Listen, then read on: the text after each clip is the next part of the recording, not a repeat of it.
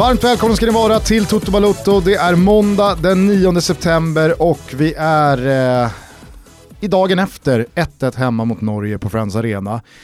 Vi satt ju här senast och basunerade ut hur mycket man älskar det här landslaget och vilken god känsla det är kring truppen och att det flyter och att det stämmer och att Alexander Isak har tagit nästa kliv, att eh, man eh, förvisso möter ett enkelt motstånd men man gör det man kan och det är fläckfritt och det är facit och sen så 90 plus tillägg senare så så är det en annan känsla i kroppen. Ja det är ju det, men det brukar bli så för lag som möter Lasse Lagerbäck. Erik Niva skrev det i sin krönika efter matchen igår att eh, Sverige har blivit lagerbäckade och mm. eh, det ligger väl ganska mycket i det för jag tycker att han vann den taktiska kampen rätt överlägset och sen så är ju Sverige kanske då snäppet bättre individuellt än vad Norge är men, eh, men Lagerbäck eh, är väl en ja, lite smartare matchcoach, jag tror det i alla fall.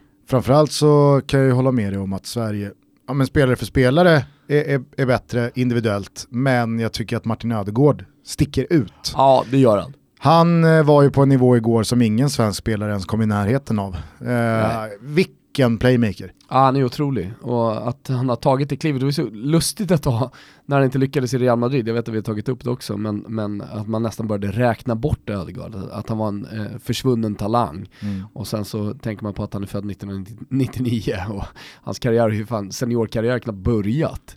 Eh, men eh, uppenbarligen så har allting klaffat liksom, i, i, den utvecklingen som man trodde stagnerade lite.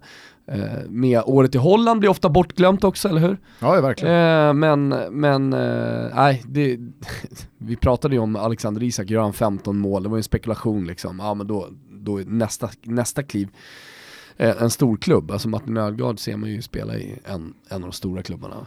Mm. Ja, jag var mäkta imponerad av Ödegårds eh, insats igår. Jag tycker han var på en egen nivå som sagt. Dessutom måste jag säga att jag imponerades av Joshua King. Ja. Jag har ju eh, bashat honom lite senaste året, både här och i andra forum. Men jag tycker att eh, man fick en liten reality check på vilket tempo och fysik som Premier League huserar ja. när han ser ut så i en landskamp mot Sverige. För att eh, han såg mycket, mycket snabbare ut än vad han gör i Bournemouth. Ja. Han såg mycket starkare ut än vad han gör i Bournemouth. Alltså det var, det var en riktig jävla explosiv ja, insats av Joshua King. En spelare som man känner gör skillnad. Mm. Här, ja men alltså jag tycker han sysselsatte Lindelöf, Granqvist själv ganska så ordentligt hela matchen. Så att, eh, jag, jag, tyckte att Joshua King och Martin Ödegård var ju den stora skillnaden eh, individuellt för Norge, men jag håller ju med dig om att Sverige har ju bättre spelare individuellt om man, eh, om man tittar på dem svart på vitt på pappret och sådär. Men då ska man ju också göra det bättre. Huruvida det är Lagerbäck som får, dit match, som får matchen dit han vill eller om det är Janne som inte får den dit han vill. Det, eh, om det tvistar väl de lärda, men det jag var väldigt besviken på, det var ju att man inte ens tar tag i bollen. Ja, exakt. Alltså det hade man verkligen kunnat göra. Och hemma mot Norge så tycker inte jag att man ska ge bort bollen i första halvlek. Nej, och det är ju så matchen börjar och, och då sätter det sin prägel också på det. Det är, det är, nästan så att Sverige tillåter Norge att ha mer boll. Det är mm. som, som, att vi inte vill ha den. Eh, och efter att ha sett eh, matchen då mot Färöarna där vi gör en otrolig offensiv prestation. Jag menar mot ett lag som, som, som givetvis står lägre än vad, än vad Norge gör, men ändå. Så borde vi ha kunnat fört den matchen på ett helt annat sätt. Mm. Ja, jag tycker att eh, Victor Nilsson Lindelöf, trots att han bojkottar delar av svensk media, sa det faktiskt jävligt bra. Eh, och jag höll med om varenda ord. Han var väldigt besviken, vilket han givetvis ska vara, och han var väldigt besviken på sin egen insats, han var besviken på lagets insats, men framförallt så tryckte han på att jag är förbannad på att vi inte ger oss själva chansen att vinna den här matchen. För att det gjorde man ju inte. Nej. Det var ju ett målfirande efter 1-1 som inte alls hängde ihop med den halvtimmen som sen följde. Alltså när man springer och hämtar bollen och man vevar mot publiken och läktarna att så här, kom igen nu, nu har vi gjort 1-1 och nu ska vi bara fortsätta köra för 2-1 efter 1-1, jag kan inte minnas att Sverige har en riktigt bra eh, målchans.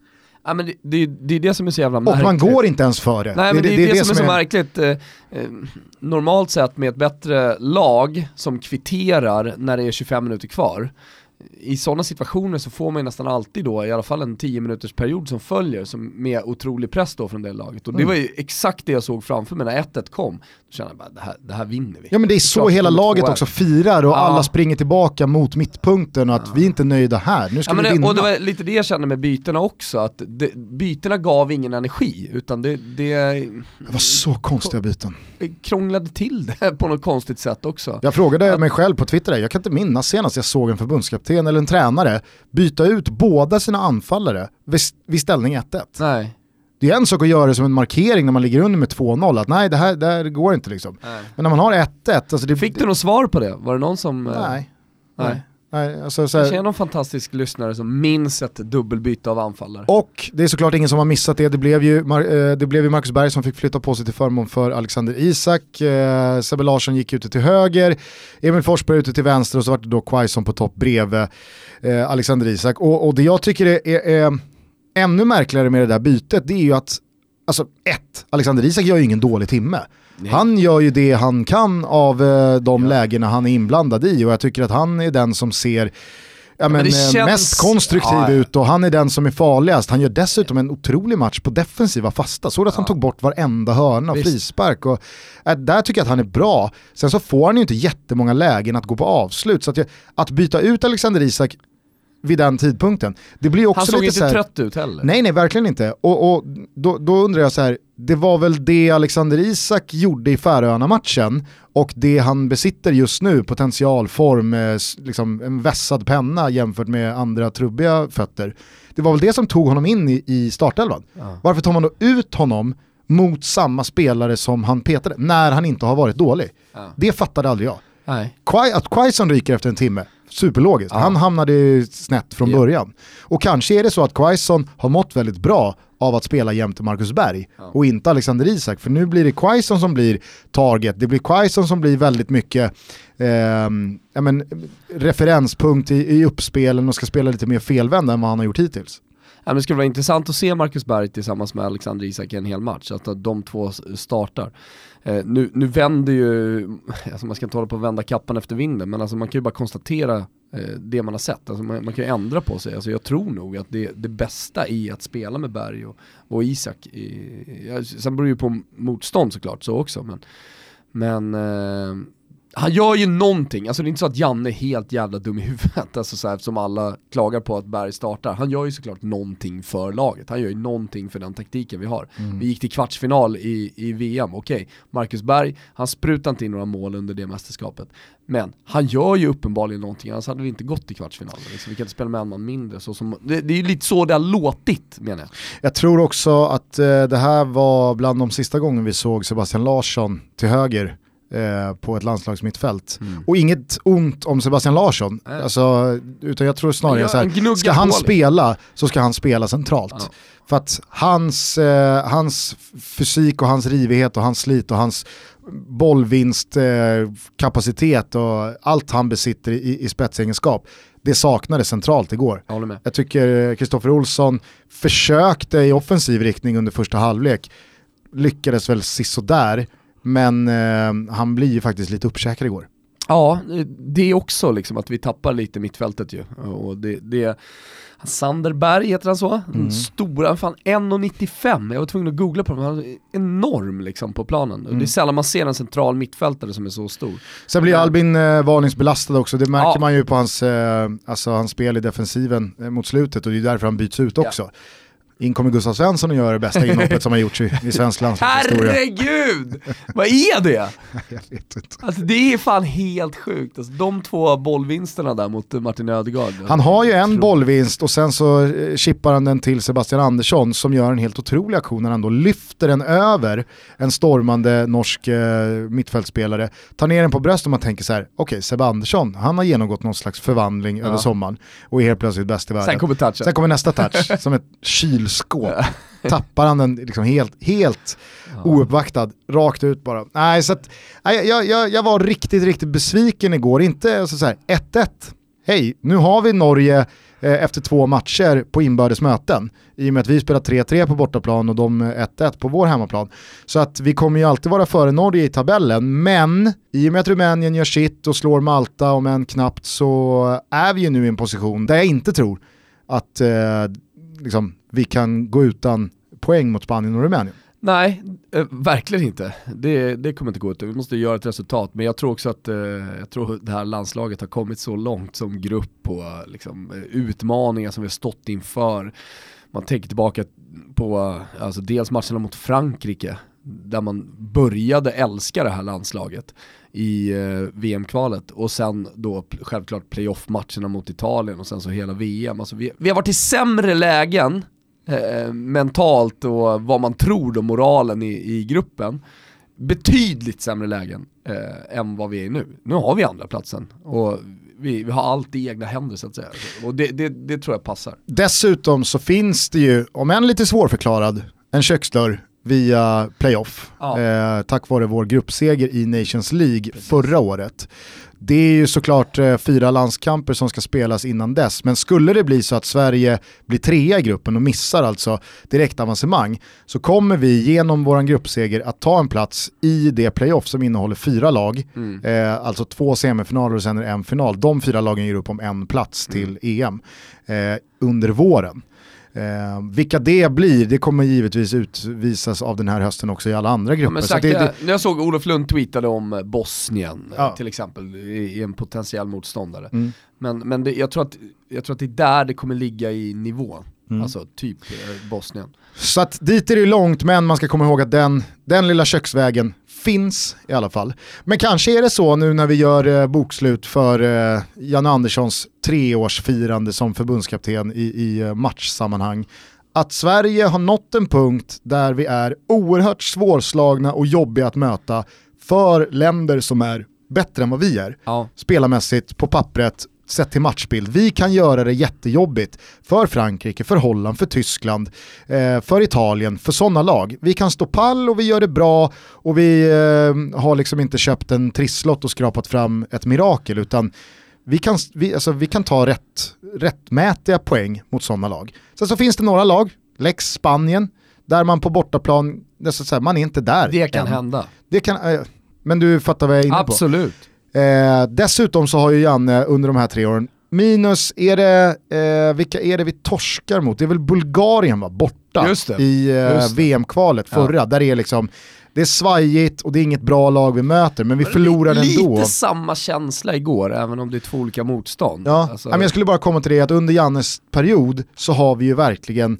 alltså vi slår bottenlagen. Mm. Malta, Färöarna, Liechtenstein, Luxemburg, eh, vilka det nu är, inga problem. Man behöver aldrig vara orolig. Sverige gör jobbet, Vitryssland, ja. alltså det är inget snack. Det är, det är tre poäng på kontot och det är superstabilt.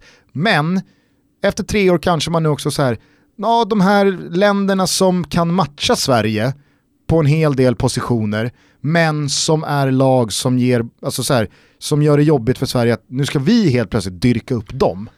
Där, eh, där Nej, var, och där, men där tror, där tror jag, om man kollar tillbaka också historiskt, har det svenska landslaget aldrig riktigt varit. Alltså, mot ganska jämna motståndare så har vi vunnit knappt. Eh, vi har, vi har sällan dominerat tillställningar utan eh, det, det, det, är en individuell prestation som avgör. Vi har ofta också haft individuellt skickliga spel som har kunnat avgöra matcher. Alltså ända sedan jag kan minnas liksom från 80-talet och, och framåt.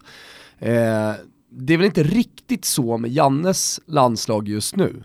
Att vi har den liksom, exceptionella talangen eh, som sticker ut och avgör matcher liksom. Eh, jag såg att det var någon som tweetade om att e- Emil Forsberg är den sämsta stjärnan så att säga som, som ett svenskt landslag har sett. För kollar man på den här truppen, vad har vi för stjärnor? Ja det är ju nummer 10 på Erik, eh, Emil Forsbergs rygg. Det är ju han som ska göra, och han gör ju målet igår, absolut. Men det, det, det, är, ingen, det är ingen dominant tillställning från hans sida i övrigt menar jag. Eh, så ja, det, det, det, finns väl någonting där. Det kanske kan bli Isak, vad vet jag, men, eh, men känslan är i alla fall inte att vi har spelare som avgör matcher själva. Nej, det blev ju, alltså så här, ett, jag tror att man ska komma ihåg att det kommer vara väldigt många år ytterligare mm. i Zlatans skugga. Alltså man kommer alltid jämföra med Zlatan Ibrahimovic som gjorde vadå, 60 mål och han kunde ju liksom så här, han kunde ju be om den där Men innan bollen. Innan det hade vi Ljungberg, Henke Larsson, alltså så här. Ja, Sen så kanske inte de tog bollen och gjorde det själva på samma sätt som Zlatan har gjort det eller som Emil Forsberg vill göra det eh, eller som Alexander Isak kanske kommer att göra det. Men Zlatan var ju, det var ju någonting annat. Alltså det var ju en spelare som hela tiden fick bollen i lägen han inte ens skulle ha dem. Men han kunde också han göra ur ingenting både två och tre mål. Eh, och man visste hela tiden att så här, även fast vi ligger under med två mål det skedde inte alltid, långt ifrån, men det fanns hela tiden en känsla av att så här, det kan gå. Ja. Ge Zlatan 10 minuter på rätt dag så löser han det. Där har ju inte Emil Forsberg liksom etablerat sig eh, på, på den nivån och att, att ingjuta den känslan hos oss Tänk, som tittar. Nej, tänkte du på det igår att han hade en ovanligt fri roll? Mm. Under hela den första halvleken så jag såg honom knappt på vänsterkanten, där han ändå brukar hålla till. Utan väldigt mycket centralt, han letade sig till och med ut på högerkanten, han letade djupt ner i plan och hämtade boll på ja, men ställen som jag inte riktigt har sett än. Det kändes som att Janne liksom hade, hade släppt honom fri så som han vill. Nej men sen återigen, två då. då.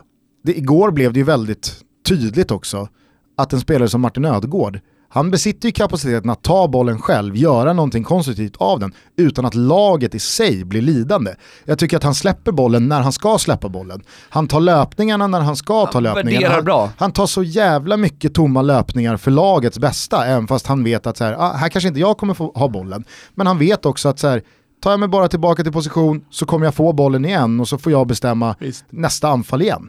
Så att det, det fanns ju en, en prestigelöshet som blev väldigt synlig igår vad gäller mm. Martin Ödegård. Sen så är han ung, han kanske om några år har lite mera av Emil Forsbergs eh, karisma och attityd kring sig, aura kring sig, att så här, äh, det, han, han borrar inte ner huvudet och, och sliter arslet av sig. D dit kanske Ödegård också hamnar, alltså där hamnar han också eventuellt. Mm. Eh, men jag tycker att eh, i de, om man jämför de spelarna med varandra igår, så skiner ju Martin Ödegård klart tydligare. Ja. Ja, Trots att Emil Forsberg gör mål. Så är det. Men jag, jag, jag, jag har i alla fall en känsla av att vi fortfarande kommer lösa det Jag tror att vi kommer göra en bra match mot uh, Rumänien och uh, det kommer bli en helt annan tillställning mot Spanien. Det kommer inte bli som uh, på bortaplan. Är vi, nu, nu, är vi mitt i säsongen. och då, då, då, är de inte lika briljanta som liksom, de kunde vara senast när de ja, fick två veckor på sig att liksom ladda upp inför matchen. Nej, alltså, sen så är ju Rumänien-matchen i sista samlingen. I, I, nästa månad så är det ju då Malta borta och Spanien hemma. Yes. Um, vilket gör att, alltså, ja, tre poäng ska ju givetvis in på kontot mot Malta, men kan nästan bli lite så här, fan, vi behöver en pinne mot Spanien. Ja, ja man, man börjar känna lite så i alla fall. Sen kollar jag på grupperna här nu Gusten, det är ju faktiskt börjar bli intressant. Mm nu ska det avgöras, det är inte så många matcher kvar, det är någon samling här och där va, två samlingar kvar innan allting är klart. Så att Kosovo sticker upp till exempel. Mm, de slog väl, eh, var det Serbien de slog ja, i? Nej, de slog eh, Tjeckien. De slog Tjeckien ja. Yes, Republika Tjecka åkte på däng vet du. Eh, de hade ju något på gång Tjeckien, ett tag. Nej, nej alltså så här, de hade inte någonting på gång, de var bra. Ja. Slutet på 90-talet, eh, början på 2000-talet. Alltså jag kanske är några, några år för ung för att minnas den här första fina generationen med Poborski i spetsen och sådär. Men herregud, Tjeckien EM 2004, det landslaget. Med Nedved och med Jan Koller och Milan Baros och... Nej, det var så fint lag. Peter Käck i mål och... Mm. Mm. annars, annars... Äh, nu, är det, nu är det ju, eh, det är chicken. Ja, och vad ska han göra? Ja, absolut ingenting. Eh, sen är det ju en skev grupp, vi måste bara ta den gruppen. Och det är den som innehåller Nordirland, Tyskland och Holland bland annat. För kollar man på gruppen, då ser man då Nordirland i topp på fyra raka segrar, de har 12 poäng. Och sen så bakom då finns Tyskland och Holland på nio respektive sex. Nu vann ju Holland eh, mot Tyskland efter en jävligt fin prestation eh, på Folkparkstadion mm. i Hamburg. Eh, men då tänker man ju, fan det här grejer ju Nordirland. Nej men Nations League ställer ju till det här va Gusten. Så de har ju bara mött Vitryssland och eh, Estland. Ja. Så de är klara med dem, och det är ju visserligen bra att ha slagit dem eh, över dubbelmöten och alltihopa. Men nu ska de alltså gå in i, och, och, och, avsluta hela gruppspelet med att möta Tyskland två gånger och Holland två gånger. Eh, så att det kan ju mycket väl bli noll poäng, eller någon poäng. Eh, och då grejer ju Holland och eh, Tyskland detta vad det lider. Ja. Eh, du kanske kommer ihåg i senaste avsnittet så sa jag att jag håller eh, lite extra koll på VM-finalisterna Kroatien. Ja. Var lite halvilla ute där i gruppen. Mm. Levererade med besked och slog Slovakien med 4-0. Eh, ikväll eh, måndag så möter man Azerbajdzjan på bortaplan och skulle man ta tre poäng där, ja, då ser jag inte hur man skulle slarva bort den här eh, eh, EM-platsen. Däremot så har det ju eh, verkligen eh, spetsat till sig då i grupp D efter att Danmark tappar poäng mot Georgien. Ja. Alltså Det kan man inte göra om man har tänkt att hålla både Irland och Schweiz bakom sig. Nej. Nu eh, leder Irland på 11 poäng med lika många matcher spelade som Danmark. Schweiz en match mindre spelad, en poäng bakom Danmark. Så att just nu så lever ju dansken ruggigt farligt. Ja det gör den och sen så har den ju... Och det ska ju inte de behöva göra i en grupp med Irland, Schweiz, Georgien och Gibraltar. Nej, alltså det, det, är ingen stentuff grupp de har lottats in i. Så är man inte bättre än så. Nej. Det kan man också konstatera också. Men du, vill du veta vilka som har det jobbigast av alla?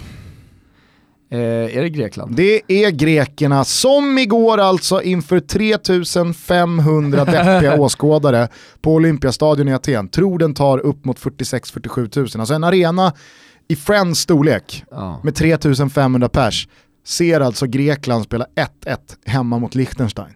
Ja, det, är, det är sån jävla nådastöt alltså. Nej men det är helt, helt otroligt sorgligt. Då är det väl över? Det måste vara det.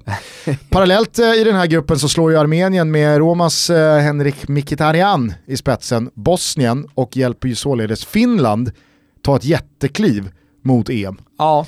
Eh, Finland, jag såg inte matchen i och med att den gick parallellt eh, med eh, eh, Sveriges match mot Norge.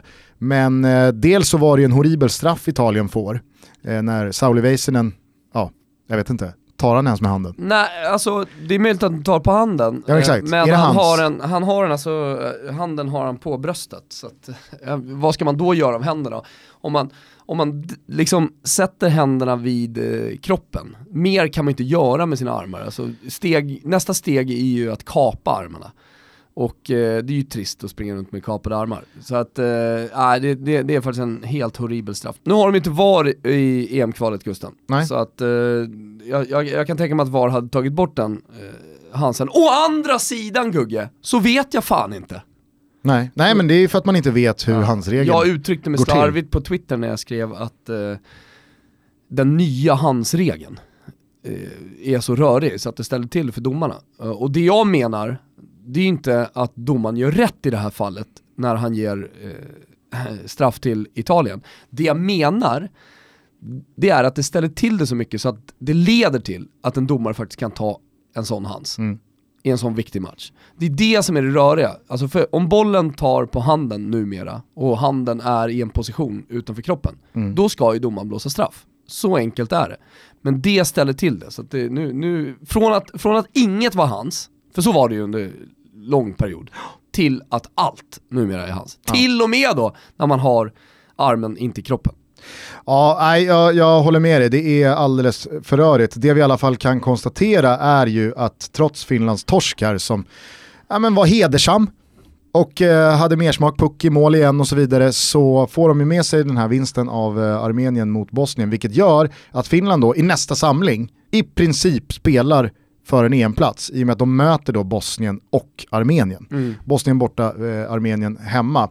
Eh, Bosnien som eh, eh står utan förbundskapten efter att gamla Prosinecki va, avgick på Rotmos. På rotmos efter torsken mot Armenien.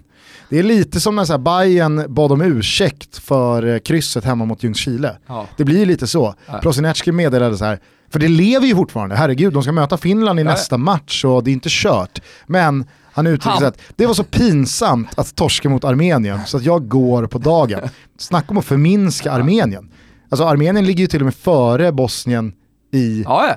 och de, de gör inte en helt dålig match mot Italien och det är ett italienskt landslag som uppenbarligen har någonting på gång. Liksom. Ja. Det, det, är en ung generation italienare som, som faktiskt kommer slåss om eh, semifinalplatser och så vidare i mästerskap framöver. Hörru du, eh, det finns eh, säkert några som sitter där ute och lyssnar och tänker så här, jaha men vadå, elefanten i rummet eh, den här dagen efter Sveriges 1-1 mot Norge måste väl för fan ändå vara Andreas Granqvist. Alltså alla är ju med på hela Gate Granqvist under den här sommaren och inför uttagningen, många ropade Marcus Danielsson, du och jag har ändå satt ner foten och verkligen förstått varför Janne använder sig av granen och fortsatt tar ut honom och fortsatt honom, ger honom binden, att Danielsson inte tas med för att det är inte så att Marcus Danielsson blåser in från Djurgården Nej. rätt in i startelvan, utan då ska han i sådana fall sitta kvist som fyra. Och är det då värt att ta ut en 30-åring som man inte ska satsa vidare på och så vidare och så vidare. Det fattar alla. Men det man nu kan konstatera det är ju att Granqvist står för ett eh, väldigt kostsamt dråpligt misstag även i landslagsdressen. Det är ju många som då, däribland vi, har menat att så här, jo men låt han vara dålig i landslaget innan man börjar halshugga honom där. Eh, man kan inte bara ta insatser mot Falkenberg i Helsingborgströjan och överföra det på att eh, reducera hans hittills överlag väldigt, väldigt bra säsonger i landslaget de senaste åren. Eh, men nu kommer ett sånt där kostsamt misstag. Jag, jag skrev ju såklart olyckligt på Twitter. Det är helt sanslöst hur jag jinxar saker och ting ibland. Eh, men 20 sekunder innan det sker så är jag så, alltså jag, jag, jag, jag sitter på läktaren och är glad i alla fall för Granens skull. Ja. Att han gör en sån bra landskamp. Mm. Jag säger ingenting om att han var fläckfri mot Färöarna, det är klart att han skulle varit det. Ja. Men här tycker jag verkligen han, han, är, han är bra, han är solid, han uttrycker eh, liksom självklarhet och pondus och han, han, han går inte och gömmer sig. Och jag tycker det var ändå lite anmärkningsvärt att Joshua King som ensam spets söker upp Victor Nilsson Lindelöf hela tiden och inte Andreas Granqvist. Eh, som rimligtvis eh, är lite eh, långsammare, lite trögare. Ändå så är det Nilsson Lindelöf som Joshua King hela tiden söker upp. Och så 20 sekunder senare så, så, så bjuder de på det här målet. Och jag vet inte, jag, jag, jag, tyckte det var lite så här, jag såg att han fick en etta i Expressen. Eh, och det, det kan... Du ska ju straffas för misstag. Ja, men... I betyg. absolut, men man, man kan ju inte på riktigt tycka att Andreas Granqvist, bortsett från den där blunden, gör en dålig match. Då är han ju bra. Ja. Eh, ska man då få en geting i betyg för att man sätter en sån indianare. Jag vet inte, jag, jag, jag aldrig Jag köper det. Jag det är gillar, sak, jag gillar som... när man i sin betygssättning är stenhård på slarv, Jo men sitter, sitter inte du och skakar också på huvudet åt att Emil Forsberg får matchens lirare igår? Jo. Det är bara för att han gör mål. Ja. Men över liksom 92 Ska man ta det minuter där med en och, salt, såklart, liksom. men det blir lite så ja, ja, ja, ja, fan det är, det är ändå sånt som folk läser. Ja. Hur ser du då på, hur ser du på liksom, situationen som nu är med Andra, Andreas Granqvist? För att till nästa samling så kommer, det ju, så kommer det här bli ännu mer tillspetsat. Ja det kommer det verkligen bli och det kommer ställas frågor kring det också. Jag tror att nästan så att han i allsvenskan också kommer få liksom, svara på sånt. Och, och, det blir ju, på något sätt så kommer ju alla misstag, eller potentiella misstag i Helsingborg, kommer ju också att belysas under den här perioden fram mm. till eh, den matchen. Och, och, det räcker ju med egentligen något litet misstag för att, som du säger, så här, att den här diskussionen ska spetsa till, spetsas till ytterligare. Alltså det, allt, allt han gör nu kan bli viralt, känns det som. Mm. Alltså det, det, det, kommer väl en GIF från varje match bara han missar bollen liksom. Eh, så nej, det, det, men, men återigen så här, det man får komma ihåg det är att det är Ponne Hellander som finns där bakom. Ponne har gjort det jättebra de matcherna han har kommit in, när vi haft skador, till exempel på Nilsson Lindelöf. Mm. Eh, så, så, så här, vi har ju ersättare. Vi har ju spelare som bara, i stort sett kan gå rätt in i det där laget och, och göra bra prestationer. Är det så då att Andreas Granqvist inte är i form, han har det inte riktigt, ja, men då tycker jag att, eh, att eh, Ponne ska, eh, ska få kliva in. Alltså det, det gör jag verkligen. Jag, det här laget står inte och faller med Granqvist. Det hade varit en sak om så här, men han leder på plan och eh, liksom, han styr allting och sådär. Vi såg mot Sydkorea, det, då var, ju, då var det viss, visserligen Vigge, men ändå, det här landslaget står inte och faller med en spelare. Eh, däremot, är man inte i form, som jag någonstans ändå känner med Granqvist. Alltså det är inte samma torso som det en gång var liksom. Nej, Då, tröjan smiter åt lite. Det, det är någonting med hela hans uppenbarelse som känns klumpigt tycker jag. Och eh, då, då, då kan man fan ta in en atlet som, som ändå spelar högt upp ute i Europa. Jag eh, hade inte... men vad fan det är ändå, det var det. Jag hade inte trott på förändring om, alltså i, i den här lagdelen om Marcus Berg hade fått starta igår. Förstår du vad jag menar? Mm. Men jag tycker att Janne igår, i och med bänkningen av Berg och han, att han tar in Alexander Isak från start, mm. ändå lyssnar lite på opinionen och hur blåser det, vad är liksom, så han visar ju på en förändring som inte överensstämmer med hans liksom, Uppenbarligen tidigare... har han ju sett samma sak som många svenska supportrar har sett. Att Alexander Isak är hetare än vad Marcus Berg. Jo, men sen så blev det inte så bra och precis som du redan har varit inne på under det här avsnittet så tror ju du, jag också, att om Marcus Berg håller sig frisk så kommer ju Marcus Berg starta Jaja. de båda landskamperna i nästa samling. För att Janne nog insåg att nej, det, vi var inte redo Nej. för att spela med, med Alexander Isak och Quaison på topp, utan vi ska nog ha Berg där. Och så, så får man väl i sådana fall ha Quaison ute till höger och ta in eh, Sebbe Larsson centralt. Eh, om man vill spela med Alexander Isak också. Men jag tror att Janne insåg igår att fan, vi ska nog ha Marcus Berg på topp. Men då menar jag bara, han visade ju på en det, det känns orättvist att kalla det liksom så här populistisk sida och att han lyssnar på Nej, vad, han vad majoriteten ville. Nej, jag menar bara att så här, hade Marcus Berg startat igår och Janne liksom slår dövörat till att en hel nation vill se Ale- Alexander Isak från start, så hade jag varit övertygad om att trots Andreas Granqvists misstag här nu så kommer han starta och ha binden mot nu är jag inte lika säker. Nu tror Nej. jag ändå att det finns liksom så här. Janne har visat på att okej, han kan lyssna på pöbeln och Granqvist har dessutom själv serverat liksom en förändring, en förändringslegitimitet på fat genom den där blunden. Ja. Plus att eh, det är ju faktiskt ett, ett eh, generationsskifte som måste ske för Granqvist kan inte spela i all oändlighet. Eh, och det kommer aldrig vara det perfekta läget att göra det generationsskiftet. Så att även om vi är mitt uppe i ett brinnande EM-kval så kan det faktiskt vara så att det är läge att, att ta det beslutet redan till nästa samling. Det jag kan tycka lite med Alexander Isak och Quaison det är att de här 60 minuterna på något sätt då diskvalificerar eh, dem att eh, starta nästa samling. Mm. Alltså, jag är inte, jag är inte, helt- jag är inte, helt, eh, jag är inte helt bekväm med, med att de bara fått 60 minuter och att eh, de ska bli så hårt bedömda.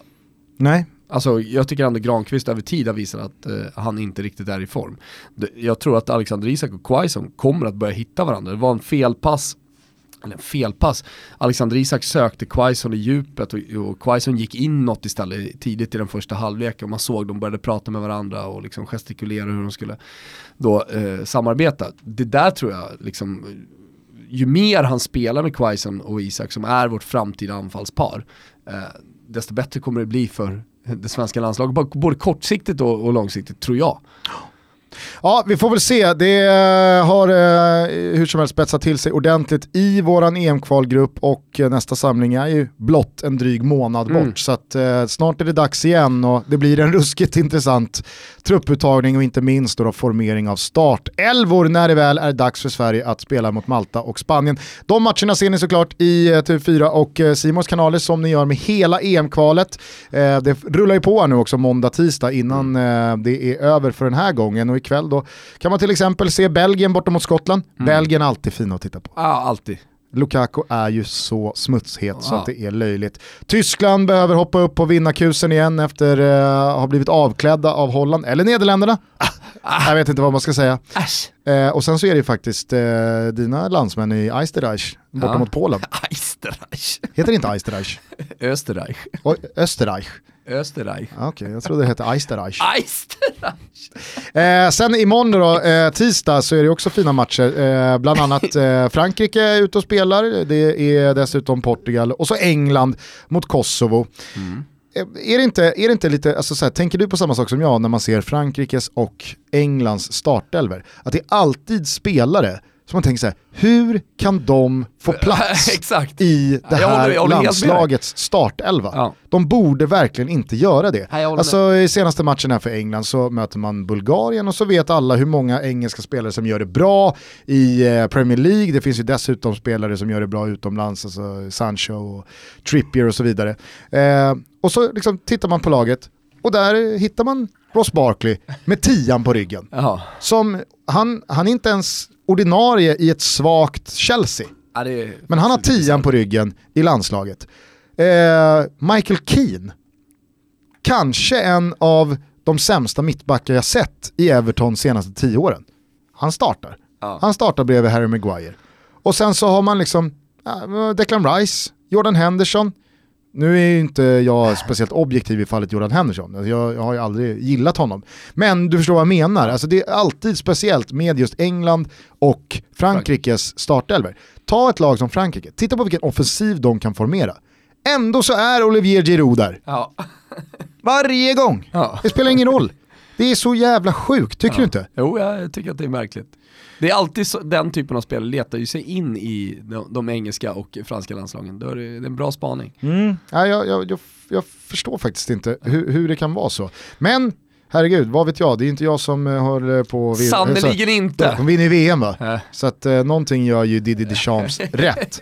Men jag tycker bara liksom så här, det, det, det slår aldrig fel i fallet Frankrike och eh, England. Att det är spelare som man, alltså man begriper inte hur de tar sig in i laget. Kul för övrigt, jag såg där eh, i Frankrikes seger mot Albanien att eh, Kingsley Coman Mm. gjorde två mål. Och på något sätt så här, ja kanske är det nu Coman steppar upp och tar det Där där har sista- du ju en sån spelare annars, precis som du, du nämner. Hur kan han spela i det här landslaget? Egentligen, alltså man tänker på hur, mycket talang det finns i den truppen. Ja, absolut. Samtidigt som Koman har väl inte, han har inte samma liksom, tröskel åldersmässigt som Giroud. Alltså där tänker man så här, varför, varför fortsätter de pumpa på med Giroud? Varför tar de inte någon annan som de kan, ja, men som kan göra mål och som eh, har lite framtid i sig? Men med Kingsley Coman så känns det som att han både klubblagsmässigt, alltså i, först Juventus och sen Bayern München, hela tiden har haft någon gubbe för mycket framför sig eh, i eh, Sen har tågordningen. det varit någon skada för mycket också. Någon skada för mycket, men nu post eh, Ribéry och Robben i Bayern München och sen då ett Frankrike Fina som, som har vunnit eh, VM-guld men som ska liksom så här, nu ska ju de bygga vidare och säkert renovera lite. Kanske är det nu Kingsley Coman etablerar sig och blir eh, en riktig, riktig toppspelare i både Bayern München och i, i landslaget. Ja det är möjligt. Vet du vad jag ska göra nu bara, snabbt? Nej. Ta en liten höstpepsi. Oh. Jag är så törstig. Och det är så gott. Man bara, vänta.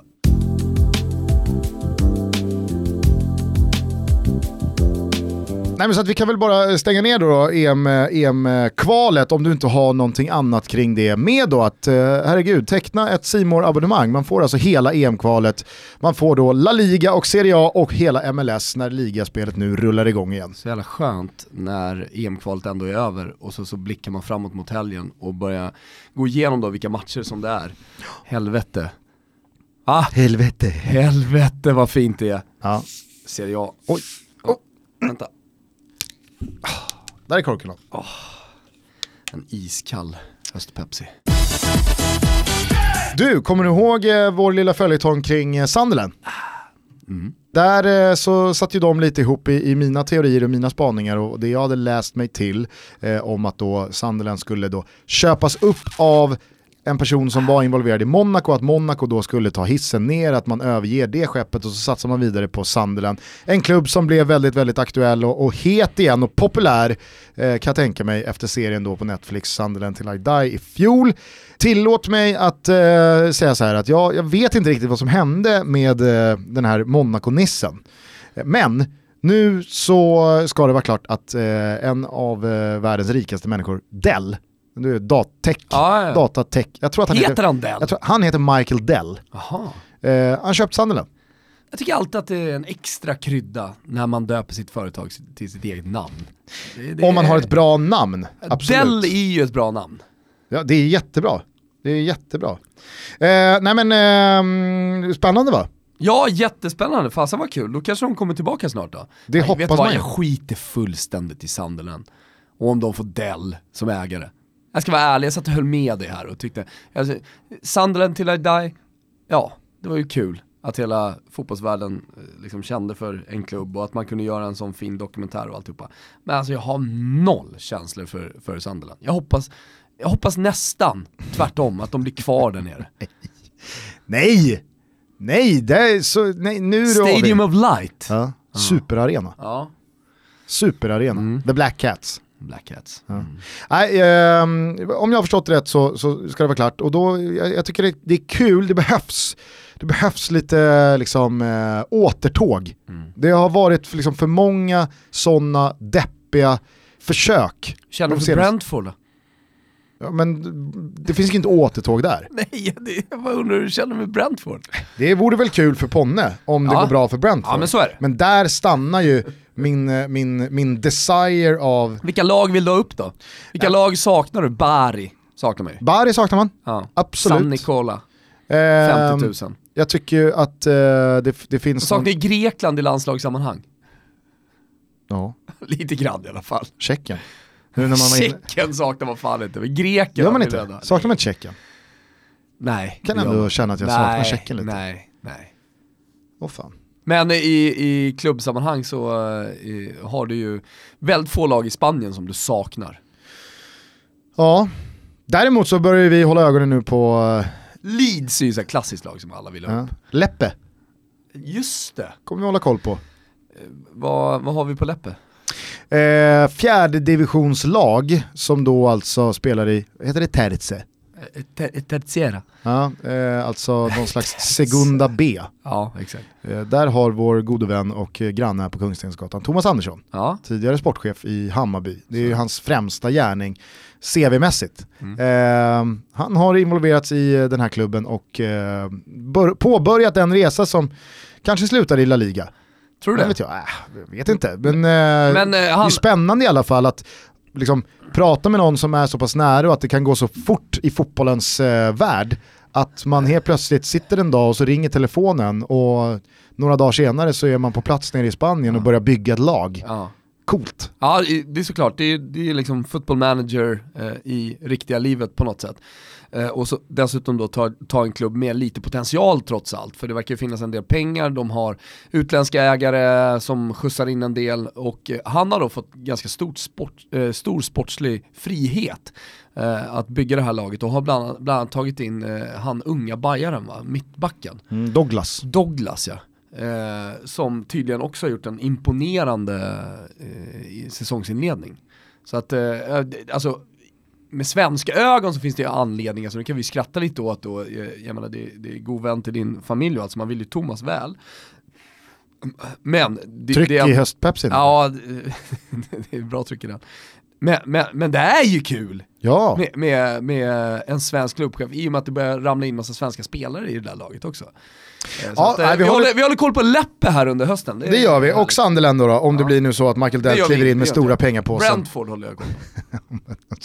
Brentford är ju ingenting förutom Ponne. Det är ändå mycket. Eh, vilken, eh, vilken klubb, eh, alltså i, i liknande, förutom då Bari, håller du ett sånt öga på den här säsongen i Italien, under Serie A?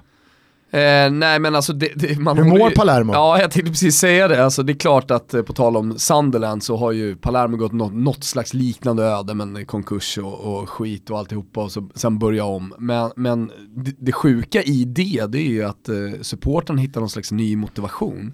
Eh, och det blir någon så här energi från supporterhåll som faktiskt kan leda rätt långt. Jag menar Parma, de vart ju också nedgraderade och, och, och har gjort en resa upp från Serie D hela vägen till Serie A.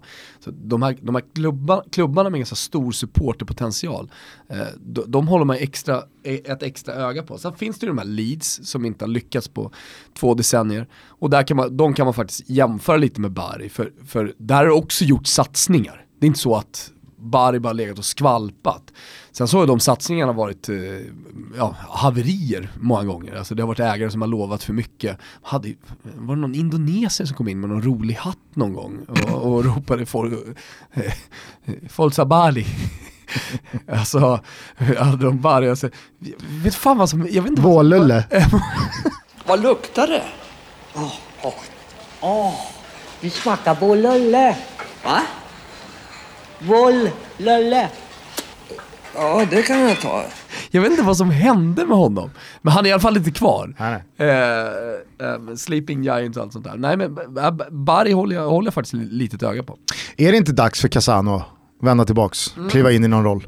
Alltså det, det har varit... Eller vad gör han idag? Sitter han bara som Han fast i- panelmedlem i Tiki Taka? Ja det är det han gör. Det är det han gör. Men han, han vill inte flytta för långt från familjen och familjen bor igenom. Hans fru är eller var, eh, bo- volleybollspelerska. Skicklig. Eh, jätteduktig, landslag och, och grejer, tror jag. Jag har ingen aning. Men eh, hon spelar volleyboll i alla fall och, och ville vara i Genua. Så nu är han ju där. Eh, och eh, han skulle aldrig åka en extra mil för att spela fotboll. Det har man ju förstått. Eh, har du något annat på hjärtat eller eh, ska vi ge oss eh, tillbaka in i gruvan här utanför studion? Vi håller på att renovera på Kungstensgatan. Det är exakt vad vi ska göra Gusten. Eh, och sen ska jag ta min lilla höstpepsi här, jag ska gå ut, sen ska jag ringa Betsson och tacka så mycket för igår. Eh, lyckliga vinnare fick ju sitta i logen igen. Eh, och eh, alltid lika trevligt. Sitta Mm. lås på landslagsmatcher alltså. Vi ska väl dessutom knåpa ihop lite långtidare här nu inför Champions League som drar Fan, igång om en dryg vecka. Det är ju någonting som jag blir verkligen glad över. Champions League drar igång. Härligt! Allt det här hittar man eh, såklart under godbitar och boostade odds när det väl är dags för eh, Betsson att trycka på knappen. Och det gör de vad de lider här nu eh, senare under veckan. Så Så att, håll ögon och öron öppna via våra sociala medier för våra långtidsspel inför Champions League-säsongen. Du kanske också ska ta första steget mot Lidingöloppet. Nu är det Just mindre det. än tre veckor kvar. Ja, nu är det mindre än tre veckor kvar, magen är större än någonsin så det kan vara läge att börja. Jag hörde att eh, vår gemensamma vän eh, Tobbe Wimnell skulle springa. Mm. Det kan ju vara ett mål annars att, slå honom. Ja, gör du det så då, då, Va, va, va, om, om jag slår Wimnell? nej, då tror jag att Tobbe dräper sig själv. Jag trodde du skulle lägga in något i potten här för att eh, motivera den här. Ja, alltså jag, Stackars, lägger, jag, lägger, stackars jag, lägger, 40-åringen. jag lägger väl in i potten att uh, Vimnell stoppar fickorna fulla av stenar och vadar ut. Det är i och för sig en jävligt fin grej. Vad hände med Wimnell torsk mot Tompa i, i Lidingöloppet? Vadade ut i Bellsta Vimnell no River. more. Vadade ut i Bellsta River. Ja, Eh, vi hörs snart igen, kanske så ska Tony Bacci komma tillbaka till eh, nästa avsnitt här. Mm. Inför ligornas omstart här och i helgen. Vi kom ju bara eh, lite knappt halvvägs med honom i eh, Italien. Du tyckte det räckte. ja. Du undrade, eh, liksom, frågande efter vi hade stängt av och gått ut i studion. Jo men vad fan, vem bryr sig ändå om Cagliari? ja. Det finns ju säkert eh, en hel del folk där ute, inte minst några som har varit med sedan Calciomania-tiden och så vidare, som gärna vill att vi ska prata ytterligare lite mer Serie A. Men jag vet inte, det är en idé i alla fall. ja, det är en idé som vi tar med oss ut. Eh, vill du avsluta med någon låt? Tänkte på den här med Bob Marley, Redemption Song, har vi gått ut på den en gång? Ja det har vi. Ja, vi har redan gjort det. Men ska vi köra en repa till med eh, Manarino eller? Du är, du är... Jag är enkelspårig Du vad är det gäller trög idag. musik. Ja, ja. Nej men väl något du istället. Om vårt senaste avsnitt kanske var vårt bästa hittills. Det är ett av, ett av våra sämsta. Vi avslutar. Men det är fint med de här två plus avsnitten också. Alltså, jag, tror, jag tror våra lyssnare gillar det. Vi är som granen. Ja, Ett, ett, dåligt, ett dåligt avsnitt så är man nere på en geting igen. så är det. Ja. Ja. Eh, ta någon riktigt stämma. dålig låt Kim. för att sy ihop den här säcken. Så hörs vi snart igen. Ciao tutti allihopa. Ciao tutti. Hej. One morning